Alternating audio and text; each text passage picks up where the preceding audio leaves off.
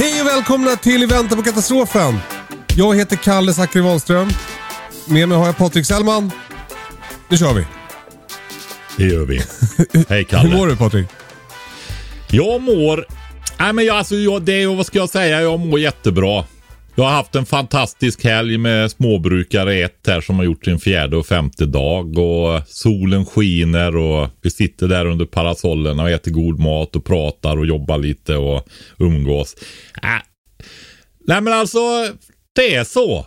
Jag eh, har, har väldigt bra liv, så är det. Gud vad härligt att du känner så. Bara vara tacksam. Till skillnad från mig. Som har ett riktigt rövliv. Nej, Jo, har jag ska berätta för dig vad som hände igår Patrik. Vi har Okej. ju eh, äntligen fått eh, köksgolv.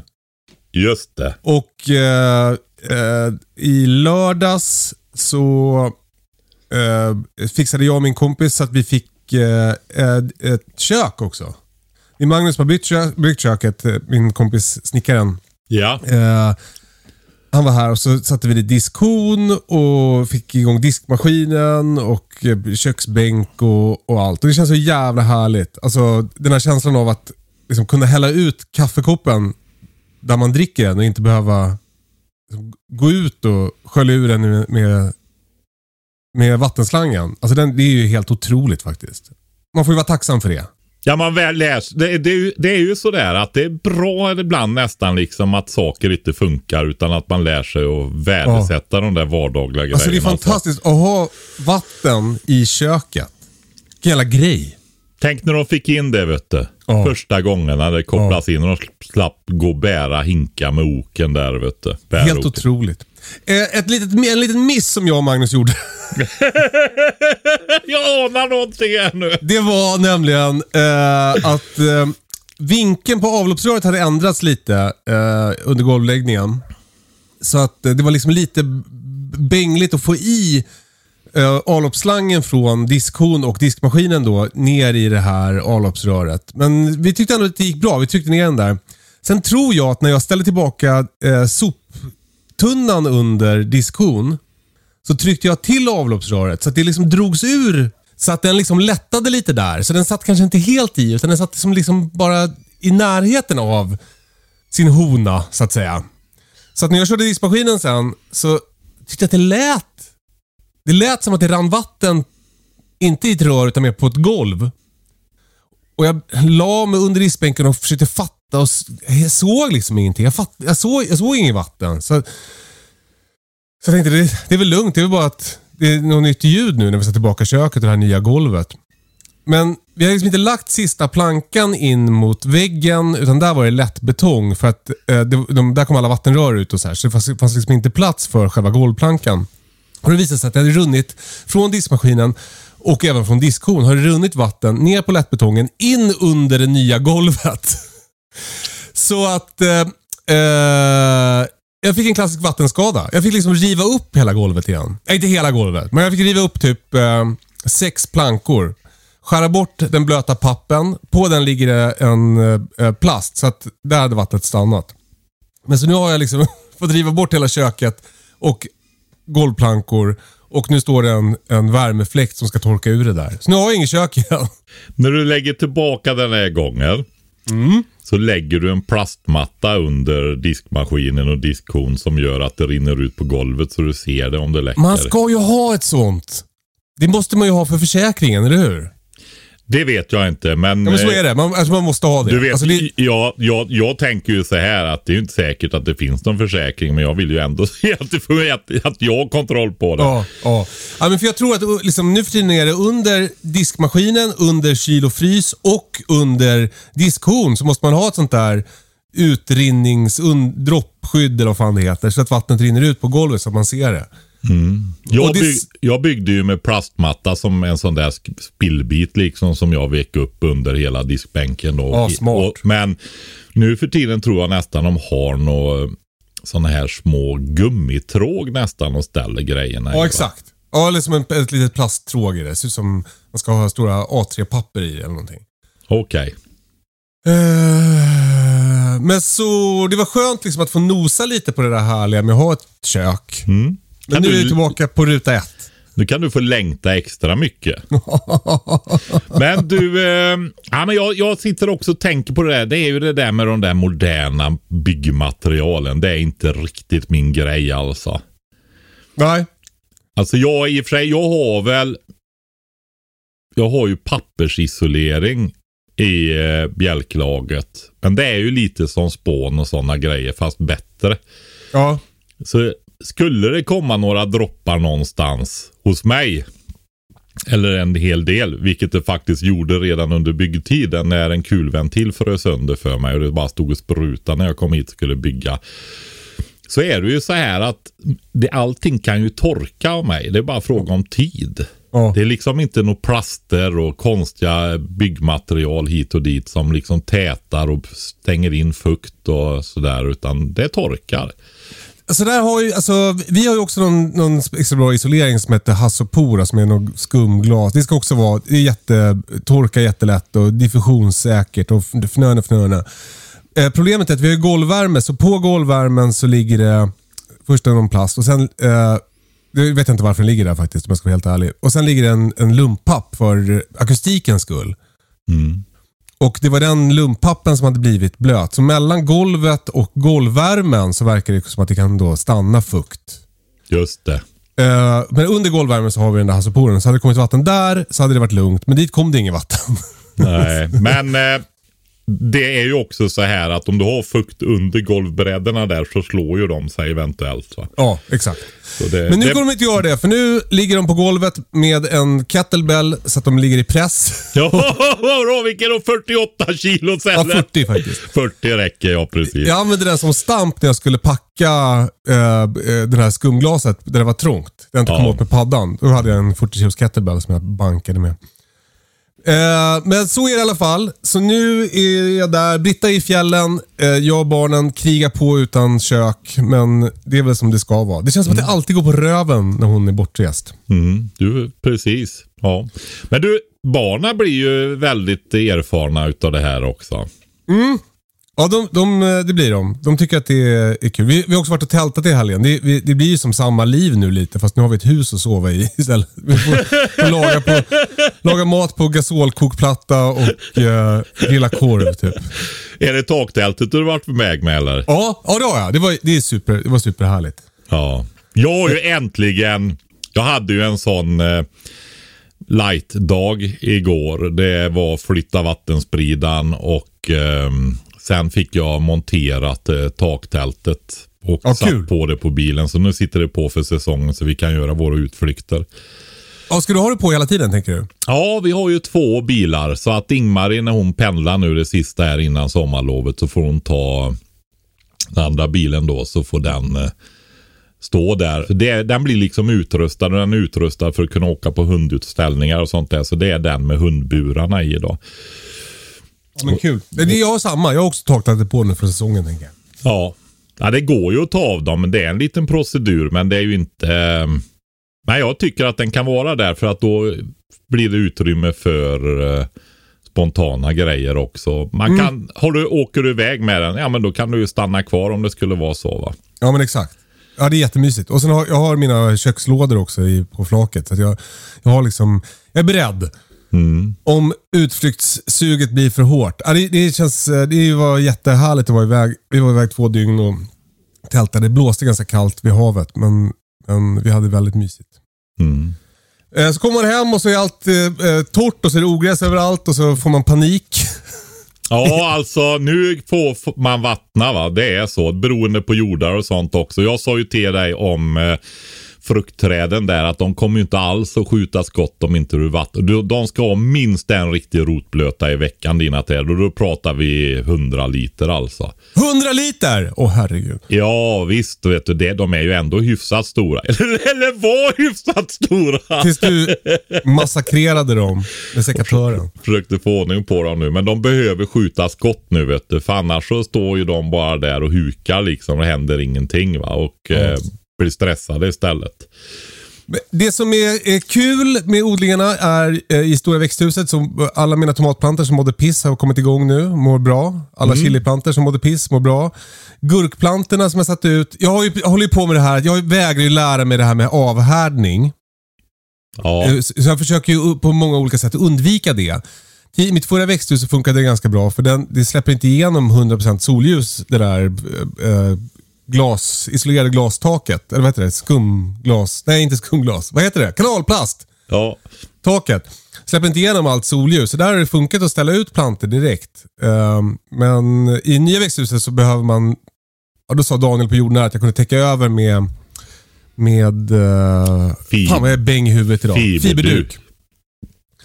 Och det eh, funkade ganska bra. Eh, de löv, eh, heter, blad som låg emot fiberduken har blivit brända. Och de ute i landet har inte funkat så bra på mina squashplantor. De mår riktigt dåligt faktiskt efter sin utplantering. De hade nog blivit lite för stora inne också. Men eh, jag ger inte upp. Jag tror att det kommer att, att komma igång vad det lider. Och vattna Mm. ordentligt bara. Alltså de brukar kunna skicka nya, det blir fördröjningar och sånt där. Bara, men du hade inga järnätter. Jag har ju flera vänner som har fått hela gurkväxtsläktet sönderfruset nu. Åh va? nej. Är det där, ta det lugnt, ta det lugnt. Ja. Och så är man så ivrig då va. Och det är just det där då, för ofta blir det det att du sätter ut dem precis i slutet på maj eller början på juni och så kommer den där järnatten några dagar senare och bara smockar till alltihopa. Och de, alltså har man tur och någon står precis så att marginalerna blir rätt så ehm, kanske någon klarar sig alltså. Men du vet Ja. de är känsliga de där. Ja. Säckar. Ja, det är problem, problemet som jag har haft. Men däremot har de frätt sönder i det starka solljuset som bara lyser och lyser och lyser och lyser. Jag tror nog att gurkväxten är nog bland de som är känsligast för avhärdningen där. Jag gör ju så att eh, jag såg ju dem ute i växthuset jag vet du. Ja. Alltså jag väntar ju med dem. Jag såg ju dem bara fyra veckor innan utplantering. Och då får de vara där och så får jag skydda dem lite i så fall. Eller i värsta fall om det blir som händer ibland att det blir riktigt eh, grisväder så får man väl bära in dem då va. Mm. Men eh, nej, då har jag inte någon avhärdningsproblematik med dem då. Gud vad härligt. Hiring for your small business? If you're not looking for professionals on LinkedIn, you're looking in the wrong place. That's like looking for your car keys in a fish tank. LinkedIn helps you hire professionals you can't find anywhere else, even those who aren't actively searching for a new job but might be open to the perfect role. In a given month, over 70% of LinkedIn users don't even visit other leading job sites. So start looking in the right place. With LinkedIn, you can hire professionals like a professional. Post your free job on linkedin.com/people slash people today. Many of us have those stubborn pounds that seem impossible to lose, no matter how good we eat or how hard we work out. My solution is PlushCare. PlushCare is a leading telehealth provider with doctors who are there for you day and night to partner with you in your weight loss journey. They can prescribe FDA-approved weight loss medications like Wagovi and Zepbound for those who qualify. Plus, they accept most insurance plans. To get started, visit plushcare.com slash weight loss. That's plushcare.com slash weight loss. Ja, en, en annan grej som jag har lärt mig den hårda vägen, som du har sagt väldigt noga till mig förut, det är dra upp plantor av allt du kan dra upp plantor av. Jag provade nu, för att jag tror att jag har gjort det förut, direkt så sockerärtor och andra ärtor och eh, bönor. Ja, de brukar jag faktiskt direkt så också. Ja. ja, det ska jag aldrig mer göra. Nej, vad har hänt nu Kalle? Ja, men det, var, det är så jävla mycket ogräs. Det, det, visst, nå, det har inte kommit upp. Allt som skulle komma upp har inte kommit upp. Det är helt omöjligt att rensa. Jag har bara väntat och väntat och väntat. Får jag se en bönplanta någon gång så jag kan rensa runt dem? Men det kommer inga. Igår hittade jag en, tror jag. Ja, men du, när sådde du dem då? Jag vet inte. Alltså det är så här, det är så lurigt i år va. Eh, just bönor är skitkänsliga för låga jordtemperaturer. Och i och med att det har varit så kallt på nätterna, alltså ja, vi har ju bara, det är ju alldeles nyligen nu, bara dagar bort som det börjar bli anständiga natttemperaturer här hos oss. Jag kanske har varit så hos dig också. Ja, vi har haft det lite, lite varmare faktiskt. Ja. Men har du inte haft sån här 2, 3, 4 grader på nätterna ganska nyligen? Ah, okay. Nej, ja, det är ett tag sedan. Okej. Okay. Nej, då kanske det är bättre hos dig. Men det är ändå som eh, information så är det ju så här att jordtemperaturen eh, eh, hålls ju tillbaka när det blir så kallt på nätterna. Va? Mm, och då, mm. när det blir för låg jordtemperatur, ja men då ruttnar ju de där bönorna upp istället. Va? Mm. Ja, det, något har ju hänt. För det, eh, som sagt, jag fick ihop en. Och kanske hälften av sockerärtorna har kommit upp. Eller har jag i alla fall hittat. Eventuellt har jag rensat bort ett gäng också. Men, men. Det är som det är. Hörru du. Du blir erfaren. Exakt. Kalle. Ja, men nästa år så blir det plantor på dem också. Just för det där försprånget som du alltid pratar om. Det är ju sån jävla skillnad alltså. Då, då kan det- man också, när, när man planterar ut det, lägga gräsklipp runt och sådär så att man får ordning på torpet. Ja, men just det där om man skaff, skaffar sig ett eh, eller ja, en kombination av plantuppdragningssystem som gör att det arbetet går lätt. Sådd, placering, ljus, bevattning och så vidare. Så är det ju så värt den arbetsinsatsen sen då på sommaren istället, för sommaren där istället. Va? Så är det verkligen. Eh, du Patrik, eh, vi, eh, när vi hade livepodden på Follnäs gård för några veckor sedan så var ju eh, en kille som heter Johannes där med sin sambo, eller fru, minns inte. Eh, det var han som hade ett skyddsrum. Ja, Och just det var ju så otroligt spännande att få höra om det här med skyddsrummet. Att han hade köpt ett hus där garaget var ett skyddsrum. Men det var typ all information han hade fått. Det var ju som han hade ju som ingen, det var ju som ingen som bara, okej här är spaden du ska gräva i, liksom, med om det händer någonting. Utan det var bara, varsågod, lycka till. Eh, han har nu mejlat och eh, följt upp det här lite. Han skriver så här. Efter vår diskussion i livepodden så fick jag ny energi i skyddsrumsfrågan. Idag kommer en tekniskt sakkunnig ut för att gå igenom allt. MSB men framförallt vår regering är för långsamma. Det är som Patrik brukar säga. Vill man ha någon beredskap i det här landet så får man ordna den själv. Han bifogar också några bilder då på hur mycket olika delar som det ingår i det här eh, skyddsrummet. Eh, och att, man, att det är viktigt att man har koll på utrustningen, skriver Johannes. Som vi var inne på så kan man ju inte bara stoltsera med att man har många skyddsrum. De måste ju hålla måttet och den som äger dem måste ha koll på hur man i ordning ställer. Som ni ser på bilderna, ja, det är massa, en bild på massa olika grejer. Alltså på de här bilderna som Johannes bifogar då, så, så det blir tydligt att det här är liksom, det, det är ett jävligt krångligt pussel utan instruktion. Uh, och Johannes skriver så här. När jag gick igenom allt så tänkte jag som Kalle brukar säga, that escalated quickly. Svårt att veta hur man ska informera andra, men tänker att jag som äger ett kan bidra i någon form. Återkommer gärna igen efter att den här tekniska sakkunnigen har varit, sakkunniga har varit här. Om det är intressant. Tack för en utmärkt podd. Och Det är superintressant Johannes. Man blir ju nyfiken på det här och också lite förfärad över det här upplägget. Vad tänker du Patrik? Nej, men eh, det är ju så som det är va. Att eh, det finns ingen samordning. Det finns inte eh, organiserat speciellt mycket va. Utan eh, min, min känsla när jag träffar människor som arbetar i det här. Det är ju det att ja, vi försöker lära oss det här igen nu då.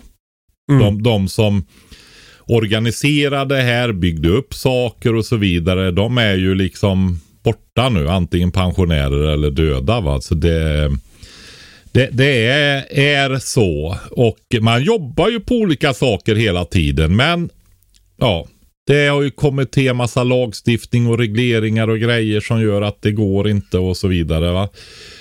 Vi håller på och ehm, Ja, nej, vi går inte in på politik. Jag orkar inte det. Nej men, eh, nej, men det är ju så va, att det är eh, så mycket som är så mycket viktigare än verkstad hela tiden. Va? Så att det händer inte mycket utan eh, det är jätteviktigt att vi engagerar oss själva i det här och faktiskt ser till att vi får en beredskap i landet. Därför annars så blir det så mycket stryk. Va? Det blir det och det blir på allvar om det blir allvar. Va? Så eh, det är bara att vi hjälps åt och gör det. Och Ja, Ja, men vi- vi har också sån tur att, jag, att det var Johannes i det här fallet som, som köpte det här huset. För han jobbar som brandman och är intresserad av de här frågorna och, och som brinner lite för det här. Mm. Men, men fatta om liksom jag hade köpt det där huset. Alltså jag, jag brinner väl också för de här frågorna, men jag är ju som inte kanske lika... Jag har ju så mycket, jag har så mycket med mig själv. Men, nej, ja, det är ju så här. Kalle, du hade ju tyckt att det var skitspännande och satt dig in i detta såklart. Ja men tänk, okej okay, så här då. Tänk alla idioter som, som har köpt hus. Där det, det finns det, skyddsrum. var det det du syftade på när du pratade om dig själv? Som, är, som alla de här som nu är ansvariga för skyddsrum, som inte har någon aning och som inte bryr sig och som har, istället har sina utemöbler i det här skyddsrummet. På vintern. Var, var liksom, det, det är inte rimligt. Nej, ja, det är ju det är, så här är det. Juridiskt. Men juridiskt då, kom ihåg det när Ukraina-kriget börjar Livsmedelsverket kolla om kommunerna som man förväntar sig är ansvarstagande med anställda människor och som anställda av oss och så vidare. Så visar det sig att de inte ens hälften hade den livs lagstadgade planen för livsmedelsplanering för sin egen verksamhet en gång. va. Suck! Ja men det, det är så. Det är så. Det är, och då är det ju så att fastighetsägarna är ansvariga för det här. Och Ja. ja, ja. Nej men om det inte är någon koll tre, fyra fastighetsägare senare, alltså är det ett skyddsrum där. Ja. Ja men eh, du vet. Där är vi cyklarna ju. Ja, Vad ska vi ha dem? ja precis. precis. Inte ha dem ute, blir de ju snodda. Ja. Nej, men eh, jag pratar med någon här och eh, ska inte säga några namn, men just kring det här när man pratar med annars väldigt ansvarstagande och även säkerhetstänkande människor. Alltså, eh, och som har lite med sig också, rätt intelligenta. Men så kommer man in på de här frågorna så stänger de av. Och vi resonerar lite om det där alltså. Vad är detta för någonting? Mm. Och eh, ja, men vi kom fram till det att förmodligen så har de förmåga av att se konsekvenserna. Och då blir det så stort och så mycket så att de mäktar inte med det helt enkelt. Ja. Eh, men, men det är ju det där att det är så otroligt allvarliga konsekvenser av om det blir riktigt allvarligt. Och det är helt enkelt om vi blir avskurna och, och saker går sönder och så vidare. va. Alltså infrastruktur och sånt där. Eh, Att vi måste förbereda oss. Och oj då vad mycket jag måste göra. Ja men börja. Mm. Det är ju det där att man äter upp en elefant munsbit för munsbit. Va? Det, det är så. Och, ehm, det Ja, men det är väl den här klassiska, alltså jag håller på att alltid prata om träning eftersom jag har hållit på så mycket med det. Men, Ja. men att, det, man, att när man börjar träna så är inte tanken att man ska bli vältränad första dagen. Utan det är ju, man börjar ju någonstans och sen så bara, det gäller bara att beta av de där passen och till slut är man vältränad. Och det är väl samma sak med beredskap. Att det, man får ju bara börja någonstans, göra någonting och så plötsligt så har man god beredskap. Ja, och vi, vi har ju tidigare gjort en massa temaavsnitt och sånt där om hur man tänker, hur man gör. Att man börjar successivt. Att först fixar jag så jag grejer en vecka med alla de här grenarna då i hemskt vis. Som också finns program eller avsnitt tidigare som går igenom. Och sen kan du ta tre veckor, en månad. Och sen ett kvartal om du vill och så vidare och bygga upp det här så att du klarar dig. Och bor du på ett ställe som många gör där det inte funkar så får du planera för att vad gör jag då? Mm. Alltså du får ju faktiskt ta dig därifrån och ta en annan plats, ett fritidshus eller hos vänner som du avtalar med och där ni förbereder er tillsammans och så vidare. För att ni ska kunna komma dit och vad som gäller och så. Det, ja men alltså, ta andra världskriget. De skickar ut mängder med folk ut på landsbygden där va. Och eh, nu finns det inte riktigt någon som organiserar sånt där. Och det får man göra det själv helt enkelt. Mm. Så är det. Man får ändra synen på sig själv från ett offer som någon ska ta hand om hela tiden till en självständig, levande, eh, initiativrik människa som levde i början på 2000-talet. En sån vill jag vara. Ja, bra Kalle.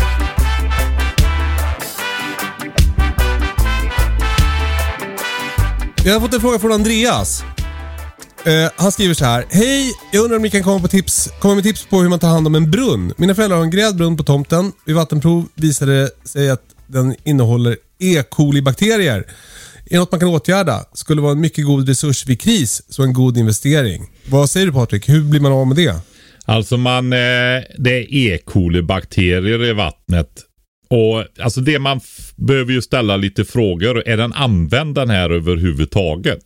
Vad, vad ligger, har det gjorts infiltrationsbäddar och sånt där som ligger i närheten? Eller ligger det gödselstackar i närheten? Eller var kommer det här ifrån?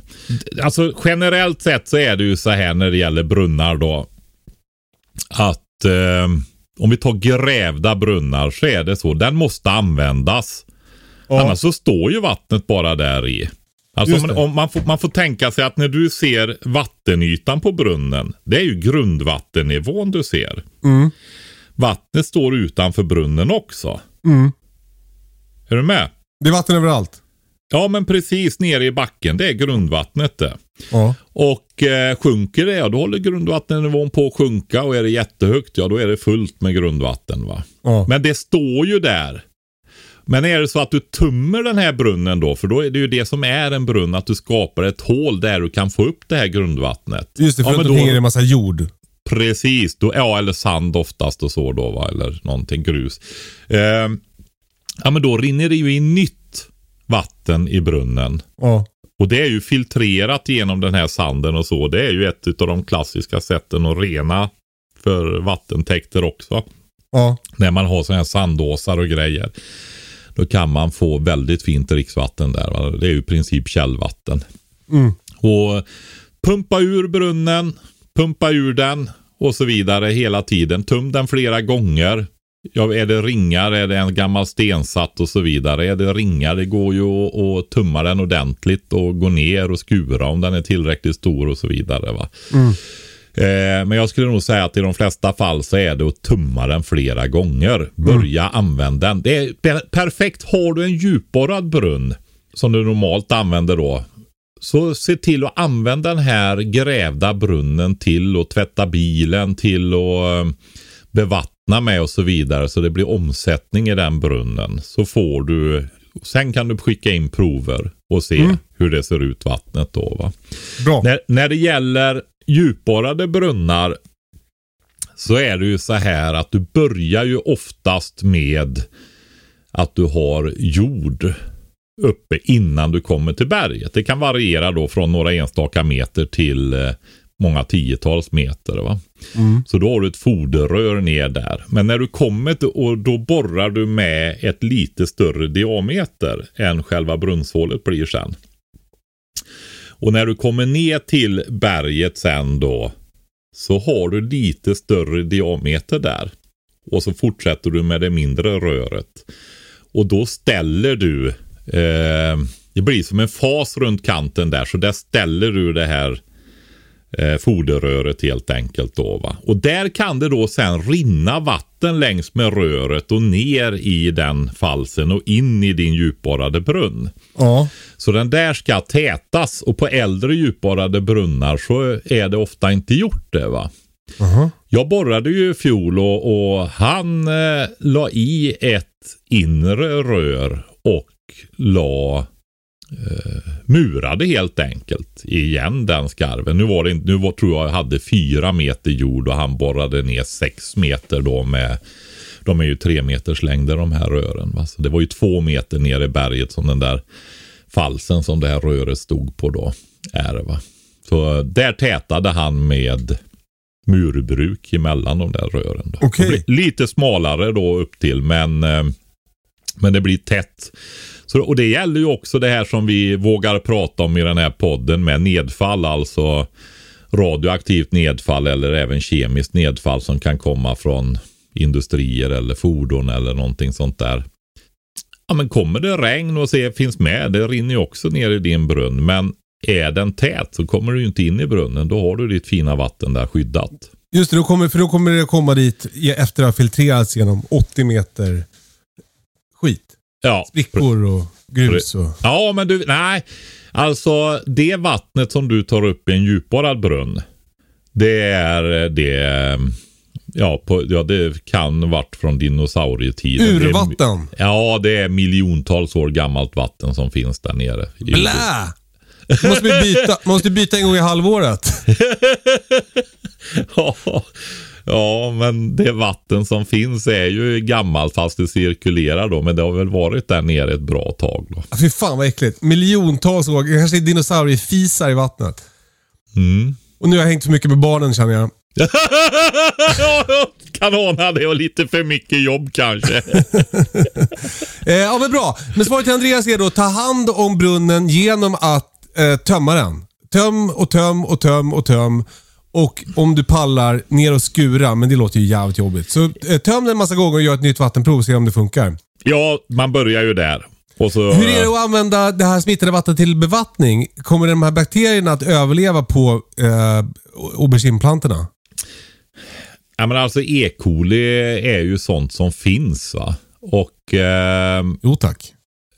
ja, men alltså jag... det- Det är ju så här, du försöker ju undvika att vattna på sånt som du, jordgubbar och sallad och det här va. Så, så det tycker inte jag du ska göra då. Just det. Eh, Men droppbevattning borde funka. Ner till rötterna. Ja, alltså ja, det skulle man väl kunna tänka sig. Men eh, har man alternativ så eh, strunta i det. Så då använder du till att tvätta bilen istället? Ja, eller bara pumpa ut det.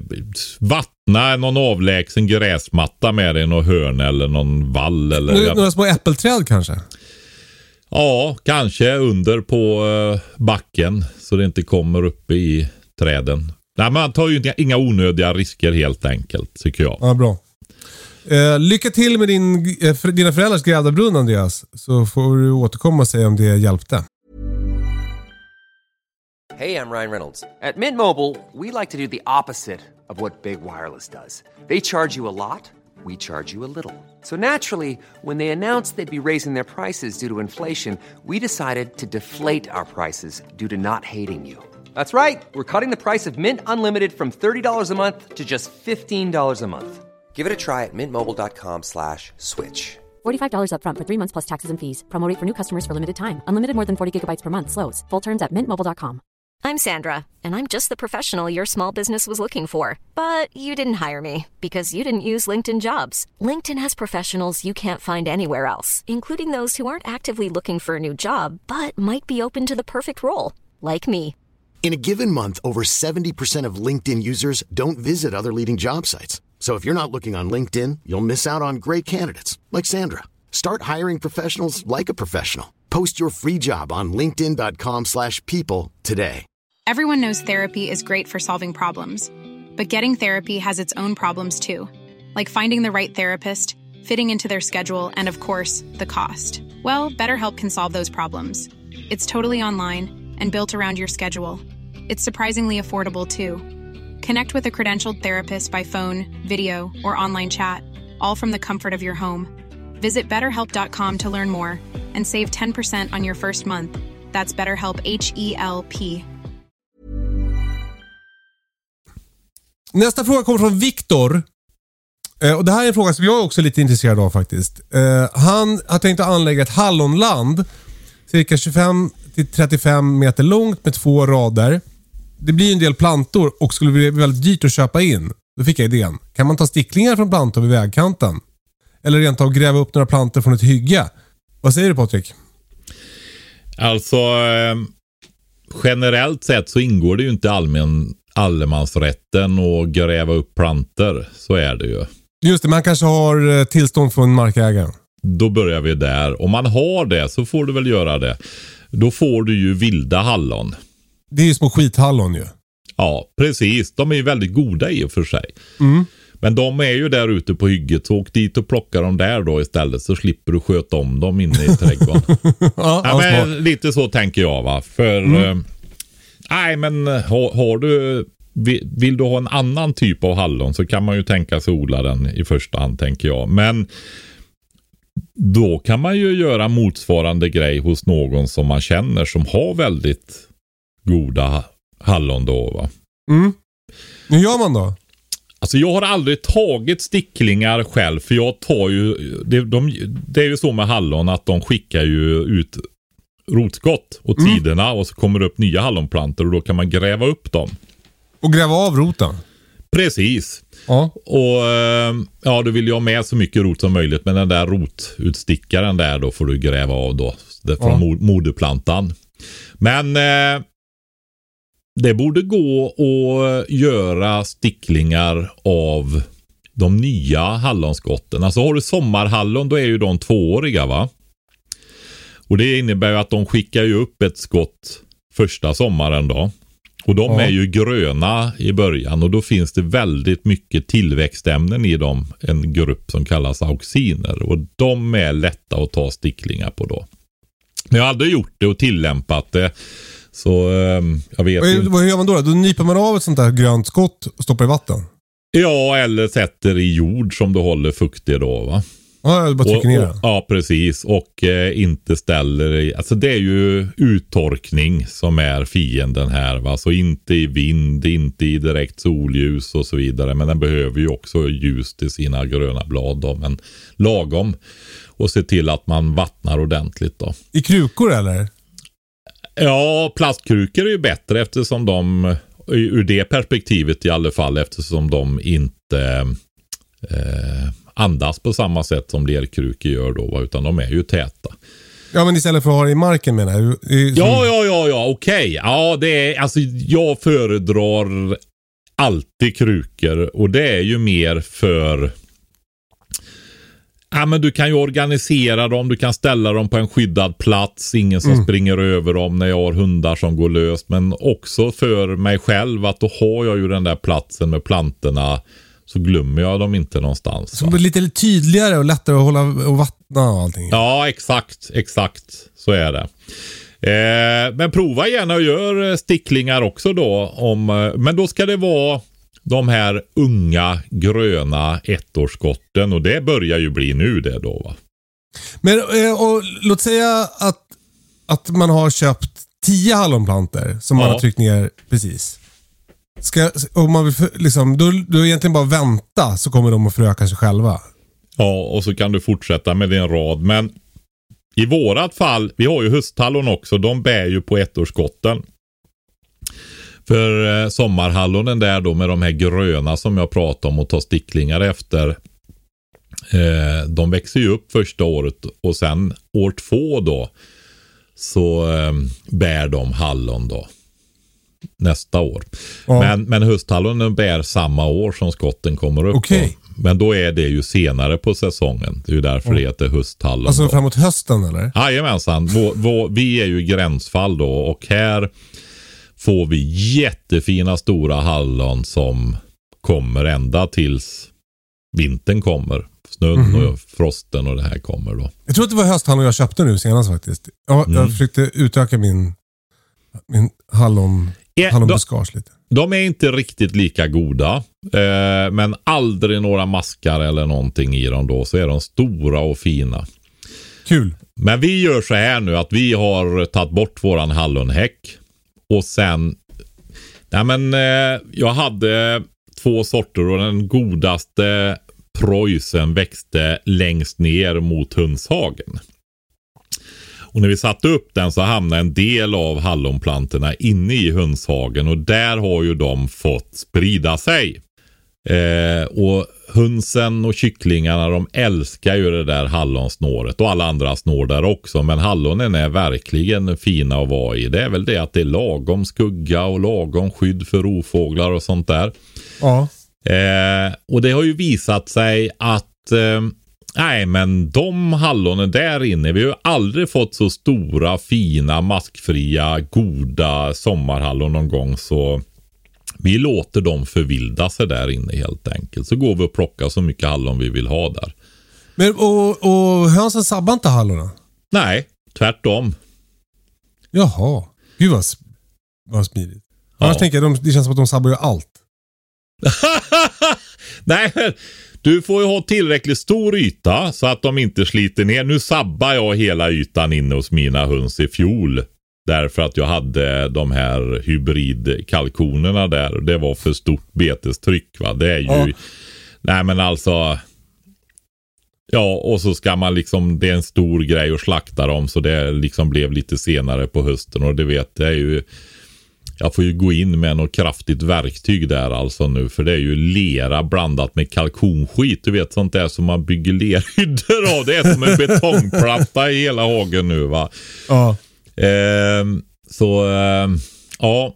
Nej, jag sabbar den hagen. Jag vet den har ju varit, den är ju så stor så den har ju varit grön i princip utom fläckvis då där de sol eller ba, badar och sandbadar då va. ja. Men nu har jag ju gjort det. Vad är det man Men- brukar säga? Eh, Är det en 10 kvadratmeter per höna? Ja, en sån där idealflock som vi pratar om med 25 hönor så kan du ju ha 150 i alla fall. Eh, Ja. Gärna lite till. Eller också så gör man så här att man har två som man växelkör. Ja, det, det kommer jag ha. Det är, min, det är mitt mål med mitt nya hönshus. Ja, men säg att du har två stycken 150 kvadratmeter då. Men sen, sen idéer som jag har haft genom livet det är ju alltså att integrera i eh, grönsaksodlingen helt enkelt. Att man gör facken och så odlar du i de fa- facken och sen sår du efteråt och så får hönorna vara där året därpå då. Va? Mhm. Alltså så. Det går ju att hitta på sådana lösningar också. Just det. Men, men eh, ja, ja, det kändes inte så smart hela vägen så jag gjorde ju en sån traditionell där nere då. Men tanken där är att det ska kunna vara två halvor då. Nu bygger jag bygger ju upp ett större, jag har ju ett jättelitet eh, hönshus för 15 hönor max. Och då är det för trångt tycker jag. Eh, Så jag, det är ju ett av de grejerna som ska, en av de grejer som ska byggas i år. Ett av alla hus som ska byggas. Absolut. Tack för det. Eh, Nästa fråga kommer från Jesper och Malin. Tack för en fantastisk podd. Jag och min sambo har en liten gård på cirka en hektar och har börjat för förbereda en odlingsyta på 20 x 20 meter på en del av åkern. Stora drömmar om odling och med vilja och inspiration från er podd körde vi på. Men första maj fick vi vårt första barn och insett det var ju dålig planering Jesper Malin. Får sitt första barn så förstår man vad det innebär. De kommer inte att hinna odla på den här ytan. Nu undrar de, ska de odla gröngödsling där? Och förbereda jorden inför nästa år? Eller ska de stoppa lite frön i jorden och se vad som händer? Har ni några förslag? Alltså Jag tror de det, ska stoppa några frön i jorden och se vad som händer. ja, men alltså jag, jag tänker ju så här först då. Hur är ogrässituationen? Ja. Dålig antagligen. Ja, förmodligen. Men det vet man ju inte. Så alltså, eh, det kan ju, ja. Men alltså, det- de kan väl odla squash? Nej, men jag tänker så här att de kan ju eh, göra så att de faktiskt eh, odlar på en liten del. Så de har någonting att sköta om och bygga erfarenheter och få lite Ja. färska grönsaker ifrån. Perfekt. Alltså behöver ju inte hantera hela ytan lika. Och eh, framförallt är det om de följer de instruktionerna som eh, vi har gett, eller jag har gett i Säg vi. Ja, så, ja, vi säger vi, Kalle. För du kör ju på det också. Nej, men Ja. just det här med potatisen, att du gör små fåror på en decimeter, lägger i potatisen, krattar över plant, låter den komma upp, ogräsrensa på, på det platta emellan med sjutacka eller någonting sånt där. Eh, Så det går jättesnabbt att göra det. va. Och sen kupar du vid 15 centimeters blast. Eh, och se till att det är vattnat då också ordentligt fast inte samtidigt. För all den där kupning, ogräs, det tar ju ogräset så du får ju väldigt fin jord med lite ogräs om du sköter det här bra året därpå va. Men är det inte för sent att så potatis nu? Nej! Sätta potatis? Nej, Nej. nej, nej, Nej. nej. Då får ta lite, ta lite, mm, inte de allra tidigaste färskpotatissorterna, men det finns ju sommarpotatis och ja men alltså sånt. Ja men Connect är en ganska tidig sort, även om den går att lagra bra och så vidare. Va? Det finns Det var svårt att få tag på Connect i våras kan jag säga. jag har faktiskt det över. Ja. Ja, ja. Alltså den här stora kampanjen du har drivit för att sälja Connect. Är det du som säljer Connect? Har du agenturen i Sverige eller? Nej, ja, det, det, det här med business det är inte min grej riktigt. Ja, Vet nej. Ja, jag, Ja. jag fick tag på några säckar från Klostra, men det var i princip helt soprent där. Ja, men spara alltid själv. Alltså, Ni vet när man måste äta upp utsädet, då är det jädrigt illa va. Då är det svält. Ja, men jag, jag fick ingen potatis i fjol. PGA orsak. Och det orkar jag inte gå in på. Men du, eh, okej, så då ska Jesper och Malin odla potatis på den här nya plätten? ja, på sto stora delar då. För det är ju det här att så i gröngödsling och sånt. Ja, det är jättebra. Men få kontroll på ogräset först och annars odlar du ju bara massa ogräs. Eh, gröngödsling, visst det finns eh, bo, bovete är ju ett. Eh, men jag skulle ändå försöka göra ytlig behandling utav den här jorden med så att man inte river upp massa nytt ogräsfrö då va. Eh, någon gång innan. För bovete är eh, väldigt bra ogräsbekämpning. Och har en liten pålrot och så vidare. Och så ser man till att vattna igång den och så ordentligt. För den växer så fort. Och täcker marken så bra och är allopatisk, alltså utsöndrar ämnen som gör att andra inte trivs och så. Så jag har ju rensat både från revsmörblomma och kvickrot med hjälp av bovete. Helt Coolt. alltså det, ja, det var nästan magiskt ska jag säga. Så eh, Men jag vill Nej. också säga en grej till, till Jesper och Malin. Det är ju att när man har en bebis, det, det bästa som finns är ju en syssla som gör att du får en liten paus från bebisen. Ja. Alltså, och man blir tokig om man ska hålla på och, man blir tokig om man inte har något på gång. Om det bara är att gå runt och vänta på att bebisen ska bajsa eller äta, då, då, då blir man ju galen till slut. Hitta Mm. på någonting och, och pyssla med. Sätt massa potatis Malin, så att du får en chans att gå ut och, och kupa i alla fall en gång i sommar.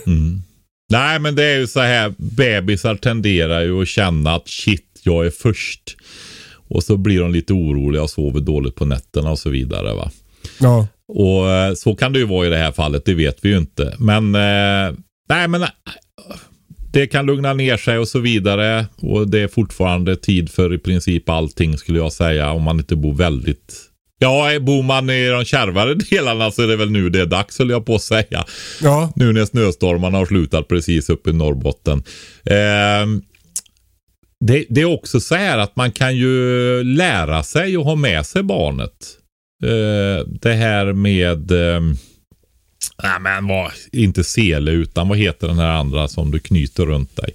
Sjal. Bär, bärsjal, ja precis.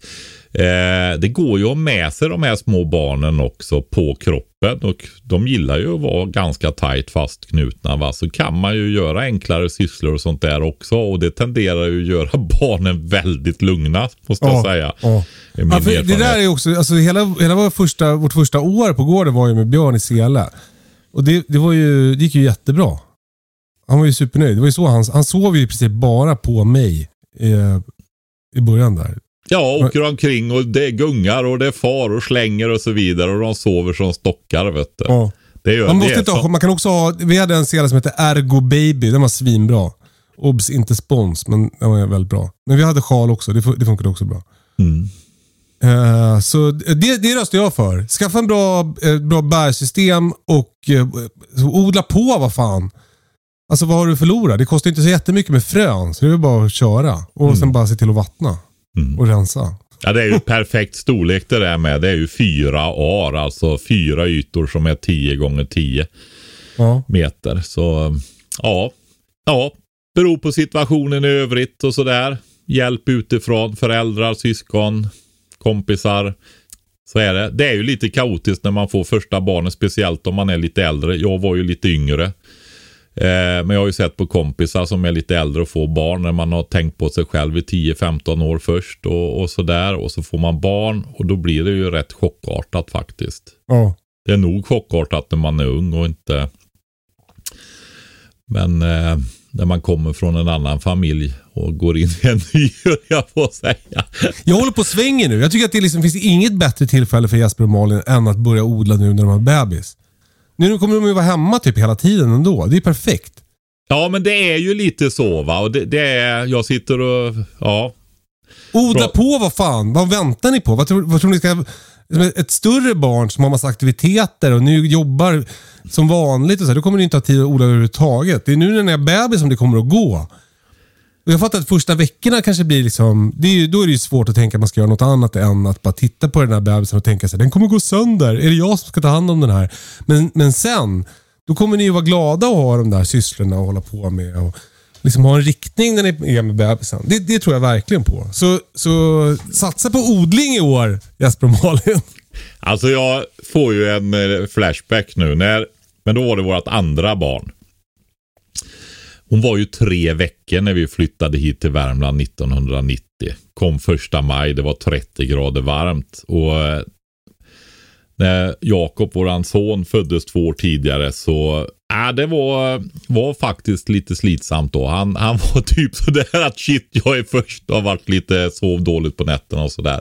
Nej men så vi sa upp oss båda när vi flyttade. Jag som officer och hon som restaurangchef och så mm, bestämde vi att vi är hemma båda två ett halvår och hankar Ja. oss fram. Eh, och vi odlar ju upp hela gräsmattan Ja, och skaffa fyra bikuper då. ja du ser. Mm, så vi gjorde ju så och vi hade så fantastiskt fina grönsaksland. Och... Ja, Och, och vi köpte en gård ju. Vi flyttade in, då, Britta var ju gravid när vi flyttade in och så föddes Björn på första sommaren. just Så- det. Det glömmer jag ju aldrig när ni spelade in det här introt. Eh, och det gjorde ni senare på säsongen. Och då ska det ju liksom vara början. Och då var ju Björn med där och så fick ni gå iväg med han för han skulle ju inte finnas sen. det var ju för skönt alltså. Ja, allt som ni ser på TV är inte sant. Ja, men Nej. lycka till Jesper och Malin. Det här kommer bli svinbra. Lycka till med bebisen också. Kul. Ja, verkligen. Du, eh, eh, Patrik. Du sa alldeles nyss nu så här, eh, om man bor på lite kärvare ställe, då är det ju hög tid nu. Vi har fått ett mail från en kille som bor i Kiruna.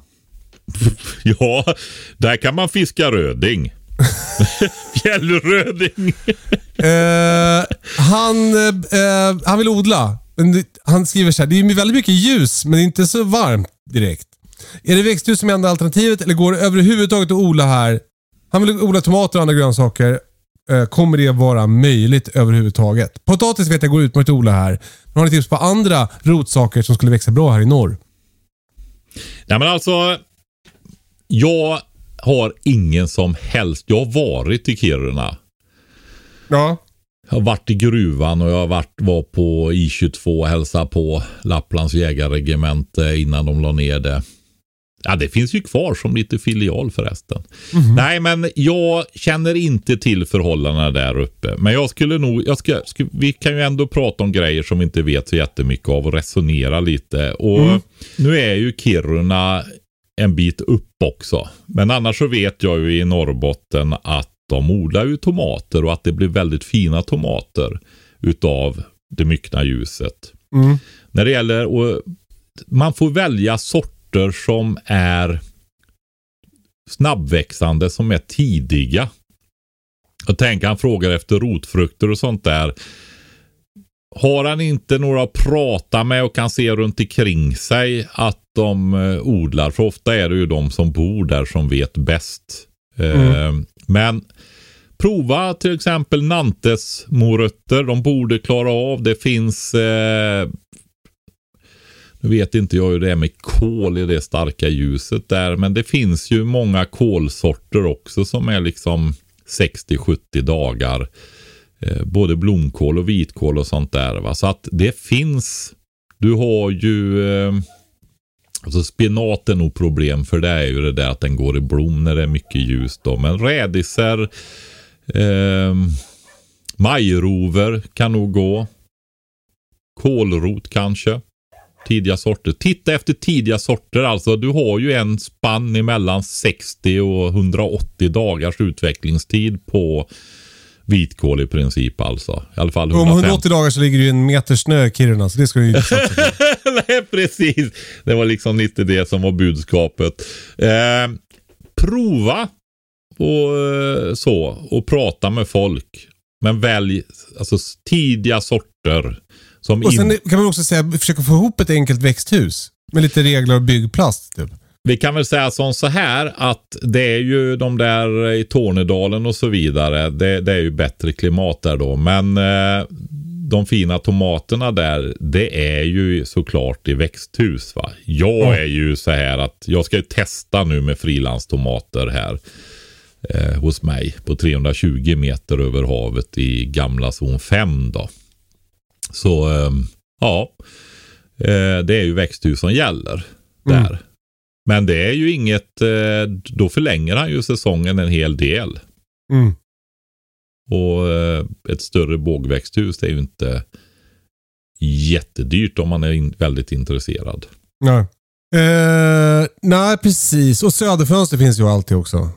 Ja, och sen har du ju hela det här med kallbänkar, varmbänkar. Kallbänkar framför allt, det är ju bara en träram på jorden med eh, glas eller plast över eller fiberduk över som också förlänger säsongen då.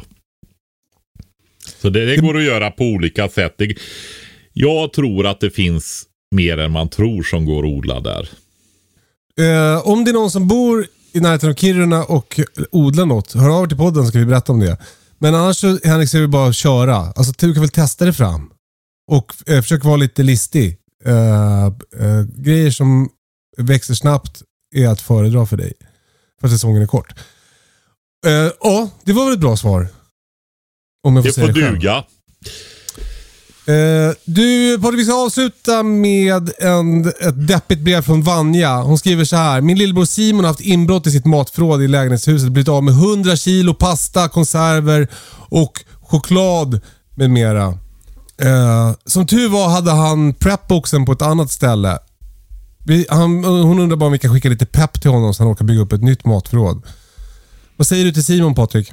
Ja, men det är klart. Det är, eh, det är ju sånt här som skiljer agnarna från vetet. Det är ju bara att eh, laga efter läge helt enkelt. Går det åt skogen så gör man så gott med det man har där man är helt enkelt. Och så jobbar man vidare. Det är, det är liksom så det är här. Det är det som är livet. Men du, vi har en grej till, Kalle. Vad är det? Ja, dels var det ju det där med vattenfilter, men vi får väl ta det nästa gång. Det där att jag och du driver ett företag som Ja. ja. vi ska kunna ha den här härliga livsstilen och tjäna lite pengar på det som vi alltid glömmer av att prata om. Prep, Prepbox. ja peng, pengar tjänar vi ju inte. Ja, fortsätt. Precis. Eh, men det är jättefina vattenfilter. Men det är ju så här att Anna hon gav ju tips förra hacks som hon sa då. Va? Och bland annat de jordgubbarna där som hon spridde ut under buskar och sånt där och odlade som funkade jättebra. Men hon tog ju också tomatsticklingar på hösten. Och vi Ja. funderar ju lite där. Vi trodde att hon satte dem i vatten men vi ville att hon skulle berätta hur hon gjorde. Och mycket riktigt så var det ju så att de här tomatsticklingarna som gjorde att hon hade stora planter som började ge tomater nu då. Eh, det var ju sådana. Hon tog dem sent på hösten och satte i vatten och de rotade sig där och så planterade hon dem tidigt i, ja, på vårvintern skulle jag väl säga om inte jag kommer ihåg fel. Och de blir stora och kraftiga nu då. Så det Ja. var, hon satte dem i vatten. Det var det Det jag var ville säga. otroligt smart. Det, där, det vill man ju sugen på att testa nästa år. Mm. Eh, och, och Hon hade också ett hönshushack som hon har hört av sig om här. Eh, hon har byggt ställning med tre stycken IKEA skobrickor och sen kompostgaller i 45 grader. Bra mått att kombinera. Lägger strö på brickorna. Behöver inte städa så ofta. Bajset torkar in och luktar inte. Lätt att plocka bort och hälla av. Lätt att hantera. Fan Anna alltså. Ja. Skaffa en podd, Anna. Superhack-Anna. Ja. Okej Patrik, tack för idag. Tack Kalle. Får du ha en fin dag och torka upp huset och sånt där. Åh herregud. Apropå lag efter läge. Alltså igår när jag skulle plocka undan efter middagen och jag insåg att jag måste... Att plocka undan efter middagen är liksom inte att plocka in disken utan det är att plocka undan hela köket. Då var det fan uppförsbacke. Eh, eh, Björn hade panik för att jag hade sagt åt honom att han inte fick ha jord inne i köket. Han höll på med några jävla projekt. Han höll på och grävde med någon grävmaskin som hade jord med sig. Och Essa var ledsen för något annat och eh, jag stod och bröt golv. Då, då var det uppförsbacke. Men då var det bara att laga efter läge. Ja, så är Eh, vi det. hörs igen sen Patrik. Ha det fint nu. Puss, hej! Hej då.